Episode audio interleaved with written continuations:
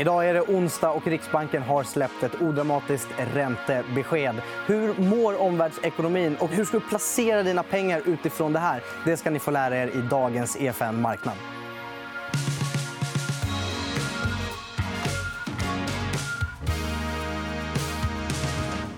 Ja, men innan jag släpper på er på huvudrätten så ska ni också få titta på ett klipp med Kungsledens vd Biljana Persson som jag intervjuade tidigare idag om det senaste kvartalet och om hur bostadsmarknaden mår. Titta här.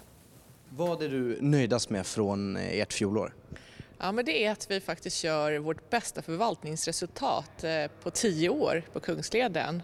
Så det är en viktig milstolpe för bolaget. Det har varit ett bra år.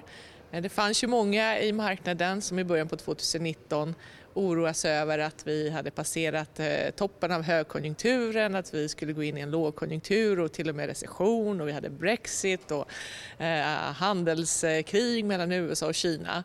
Eh, men året nu när man tittar tillbaka har ju blivit riktigt bra. Det finns fortsatt en tillväxt i marknaden och vi ser en bra efterfrågan på kommersiella lokaler och inte minst kontor i våra fyra huvudmarknader. Och det är då Stockholm, Göteborg, Malmö och Västerås. Mm. Ja, och hela den intervjun den finns på efn.se. Men nu ska jag inte hålla er längre. Nu har det blivit dags att välkomna Johanna Högfeldt till studion. Tack så mycket. Jag tänkte vi skulle prata lite om omvärldsekonomin och sen försöka dra lite slutsatser om hur man ska ligga placerad utifrån det. Ehm, och jag tänker vi kan börja med corona. Vi har redan haft en del coronaspaningar här i studion. Men det är ändå intressant att höra just, just din take på det. Vad, vad tänker du om det här egentligen?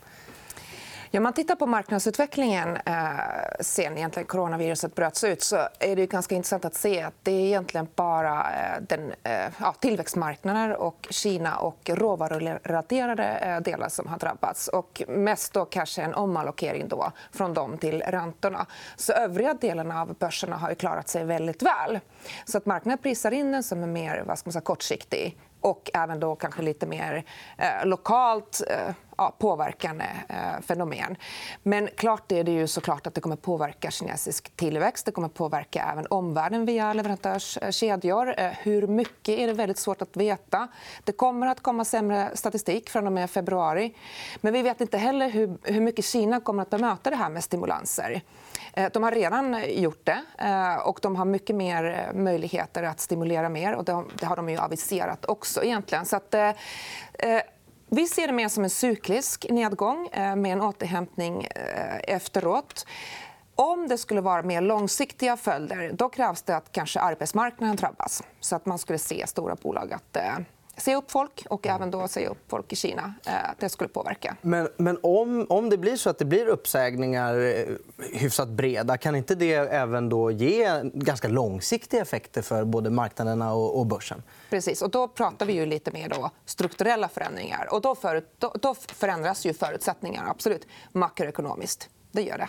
Så det är någonting som i, i dagsläget inte verkar ha en, en långsiktig påverkan men man ska ändå ha e, e, ett vakande öga på att det kan slå över och bli så. Nej, men absolut. Det ser inte ut som just nu. Och nu, nu är ju då spridningen också lite mer kontrollerat vad det ser ut att vara. Men man behöver nog se hur, hur det har påverkat alltså bolagen och även då makrostatistiken framöver. egentligen, för att vara helt klar. Men just nu så ser det ut som att det blir mer cykliskt dipp. Mm. Ehm, vi går vidare tänker jag, och pratar lite europeisk industri som äntligen verkar vända. Och då kan man också vara snäll mot börsen och säga att den fick rätt. för Den började prisa in det mm. redan innan vändningen faktiskt började synas. Och, då undrar jag lite, är, man sen på bollen då om man hoppas att man kan få en, två, tre år eh, som är bra här för, för verkstad och cykliskt? Eller mm. vad, vad tänker du kring det? Jag tror inte det. Man ser ju en ganska tydlig återhämtning eh, i, framförallt i Tyskland om man tittar på inköpschefsindex. Då. Eh, industriproduktionen i sig har ju fallit eh, i december. Men den här bilden ser ut som att den kommer att återhämta sig närmaste månader.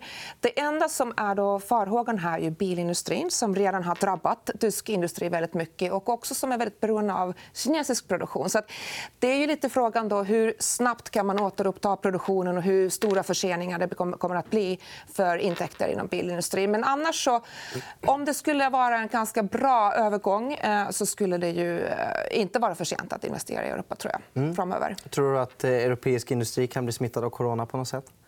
Nej, men då är det ju framförallt bilindustrin då som, som kommer att drabbas. Eh, ja, likt då allt annat som man har pratat om, turismen, och detaljhandeln och transport och allt annat. Det är ju väldigt svårt att veta exakt än vilka sektorer och bolag exakt kommer att eh, drabbas och hur mycket. Och hur mycket alla de här stimulanser och åtgärderna kommer att hjälpa. Eh, och från europeisk industri till amerikansk arbetsmarknad. Eh, varför är den så viktig att hålla koll på? Amerikansk arbetsmarknad är ju egentligen nyckeln för hela den amerikanska ekonomin och det visst kanske också globala ekonomin. kan man säga. Och det är ju styrkan i den amerikanska arbetsmarknaden som har eh, nu varit som en eh, draglok för den amerikanska ekonomin. Och också för att Fed tidigare höjde räntan. Eh, de har ju två mål, inflation och arbetsmarknad. Och arbetsmarknaden som har varit stark har ju gett en anledning till dem tidigare att höja räntan. Eh, och den ser stark ut. Vi får ju ökad sysselsättning, väldigt låg arbetslöshet. Eh, den är på 50 års lägsta. Men frågan är, är den så stark? Eh, och om man tittar lite på andra mått så ser det ut som att det faktiskt inte är lika starkt som arbetslösheten egentligen visar. Mm. och det beror på att arbetslösheten eh, mäter ju bara egentligen i relation till arbetskraften. Om man tittar på sysselsättningen, till exempel, som i den här grafen nu så, som tar hänsyn till en större befolkning, det vill säga befolkningen som är i arbetsför ålder, mm. så är, har den inte utvecklats lika starkt. Här är det ju lite indexerade eh, serier, men arbetslösheten som är omvänd skala där också eh, har ju då eh, inte lett till att sysselsättningen har kommit eh, på samma nivåer som historiskt sett. Och det man kan säga då framförallt är ju att det är en åldersgrupp mellan kanske 16 till 25 och de som är mellan 54 till ja, 65 till pensionen mm. egentligen som är utanför mest i, på arbetsmarknaden i USA. Och då får vi inte samma löne, eh, lönetryck heller från arbetsmarknaden om den inte är så stram egentligen som den ser ut att vara. Fed har ju varit väldigt eh, vad ska man säga, konfident att lönetillväxten kommer att ta fart. Eh, den har tagit fart, men inte alls lika mycket som historiskt. Och nu är ju trenden nedåtgående kan man säga de senaste tre månaderna. Och då kan man ju säga att det här är en faktor som kanske gör att arbetsmarknaden kommer inte vara lönedrivande eh, och inflationsdrivande framöver eh, på samma sätt. Och varför det är viktigt då? Det är ju förutsättningen för att vi ska kunna ha ganska stimulativ penningpolitik framöver och stimulativ penningpolitik framöver talar kanske för att börserna fortsätter att trumma på? Eller?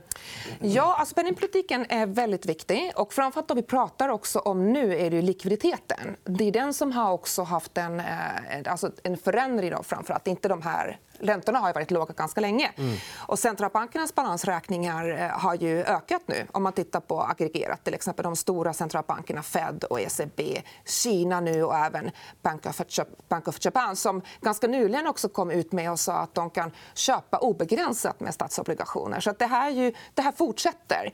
Men det som egentligen också är viktigt framförallt för börsen och ekonomin det är förändringen i likviditeten. Eh, inte bara absoluta nivån. utan när man förändrar likviditeten så förändras ju förutsättningar. Eh, under 2018 kan man säga, eh, slutet av 2018 och början av 2019 så såg vi en ganska tydlig förändring i likviditeten. Det var då likviditeten minskade ganska kraftigt. Fed slutade återinvestera. ECB eh, e slutade köpa tillgångar i slutet av 2018. Och då såg vi också en, faktiskt en konjunkturell nedgång som sammanfaller ganska väl med förändringen i likviditeten mm. mätt som då förändring i centralbankernas balansräkningar. Och det är det här som då har varit viktigt för konjunkturen att vi har sett en vändning i den här. Nu senaste perioden, då, första, eller sista perioden av 2019 så har då likviditeten återigen börjat öka. Om man tittar på förändringen i årstakten.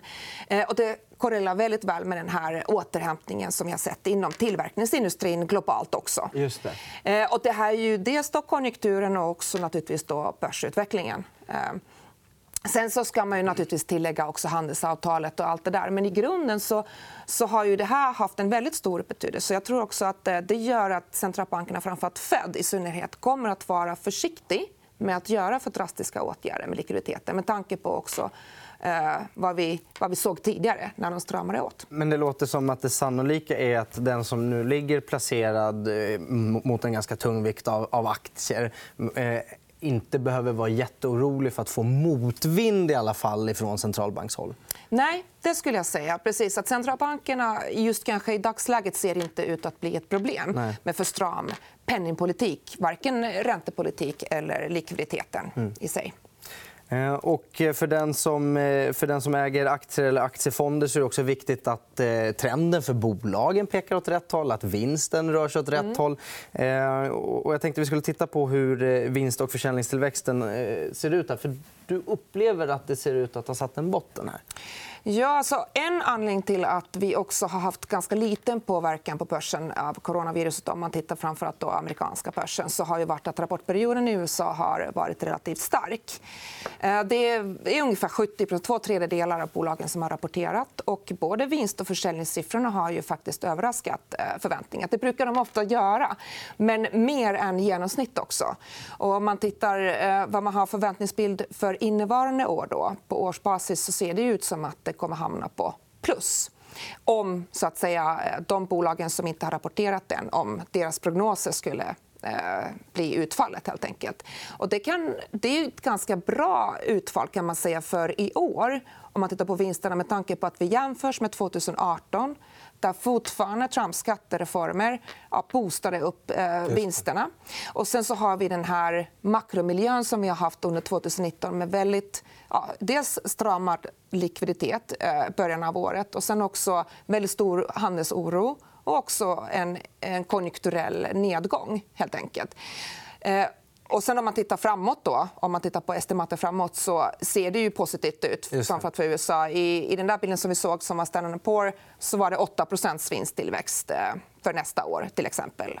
Och MSCI tror jag ligger på 10% så att Någonstans där så, så kan man ju se att det är en ganska bra eh, ganska bra utsikter. Helt enkelt. Varför är det så viktigt att... Det är kanske egentligen en dum fråga, men varför är det så viktigt att vinsterna pekar uppåt just nu? Nej, men det är viktigt för börsuppgången rent generellt. Eh, senaste året så har ju börsen faktiskt gått upp bara med multipel expansion. Helt mm. enkelt. Det vill säga att vinsterna har legat ganska flat men priserna har ju fortsatt att stiga. Och det är klart det är ohållbart på längden. Hela, hela liksom börsmarknaden bygger ju på att eh, vinsterna stiger i paritet med, med prisutvecklingen. Och det ser vi om man tittar på de faktiska vinsterna nu, rullande och sen så tittar man på även framåtblickande EPS-tal eh, så ser det faktiskt ut som att trenden börjar peka uppåt nu igen. Och det är egentligen det som är avgörande för börsutvecklingen framöver. skulle jag kunna säga att eh, Vi ser en trend i vinstutvecklingen som också pekar uppåt. Annars blir det svårt för börsen att orka fortsätta uppåt. Sen hur hur stor diskrepans det är mellan vinsterna och egentligen prisutvecklingen det är ju svårt att säga. Det är en värderingsfråga vilken multipel börserna ska handla på idag. Mm. Värderingen är väldigt hög. Men å andra sidan så är det väldigt svårt idag att jämföra historiska eh, värderingar med dagens värderingar med, med de här låga räntorna. Det man vet att relativa termer så är börsen fortfarande billigare än till exempel räntor och mm. Men, men utifrån det här... Vi har centralbanker som ändå verkar ge medvind. Vi har vinster som ser ut att röra sig i rätt riktning och en industrikonjunktur som verkar ha bottnat. Mm. Hur tycker du att man ska allokera sina pengar här framöver? Då? Vi är positiva till aktier. Vi har haft en övervikt i vår allokering i aktier sen egentligen i augusti och har behållit kvar den. Eh, och vi ser egentligen precis de tre faktorerna som du nämnde som stödjande. Sen är det ju väldigt viktigt att vi får med den här trenden också i vinstutvecklingen. Och sen att coronaviruset blir en, en cyklisk och mer tillfällig dipp framöver. Eh, vi ser inte heller egentligen någon skillnad mellan olika regioner idag. utan Om vi får den här konjunkturella återhämtning som vi har sett egentligen fram till corona bröt ut så, mm. så kommer det ju gynna egentligen aktiemarknaden som en helhet. Så aktiemarknaden som helhet hellre mm. än att stirra sig allt för blind på om man är exponerad mot Europa, USA eller Sverige? Just regioner så, så, så ser vi så att det finns inte så jättestor skillnad. Sen kommer det naturligtvis nu framför vara vissa sektorer mm. som man får vara observant med med tanke på eh, det som har hänt då i Kina. Mm. Ja. Och då har det blivit dags för dagens spaning. Vad har du tagit med dig till oss, Johanna? Ja, jag vet inte om det är så revolutionerande. Men vi pratar om låga räntor. och Det är ju någonting som man har tyckt att vi kommer stanna kvar eh, i den miljön väldigt länge. Eh, produktiviteten är en av faktorerna varför man tycker att räntorna är låga. Det vill säga att vi har låg produktivitet. Eh, I november så införde Microsoft i Japan ett experiment där de testade fyra dagars arbetsvecka. Enligt dem själva så ökade produktiviteten med 40 Oj då är ju japaner också såna som har jobbat eller jobbar historiskt sett väldigt mycket. Men situationen, eh, det finns ju många som gör forskning på det här och tycker att det kan vara ett sätt att eh, öka produktiviteten. Helt enkelt. Vi måste ändra vårt sätt att eh, tänka hur vi jobbar. Och framförallt när vi kommer få lite yngre generationer. Så att, om, om de kan införa fyra dagars vecka i Japan så tycker jag att det skulle kunna vara ett bra sätt att börja fundera på hur vi jobbar också här. Så diskussionen om kortare arbetsveckor är inte död, den har bara börjat? Jag tror också att det som man ska tänka på att det är inte antal timmar som räknas utan vad man gör. egentligen. Mm. Ett helt enkelt nytt sätt att tänka för att få upp produktiviteten. Det blir spännande att följa. Och tusen tack för att du kom hit, Johanna. Eh, vi är såklart tillbaka imorgon. och Då kommer eh, Mattias Eriksson. och Då blir det aktiecase. Tack så mycket.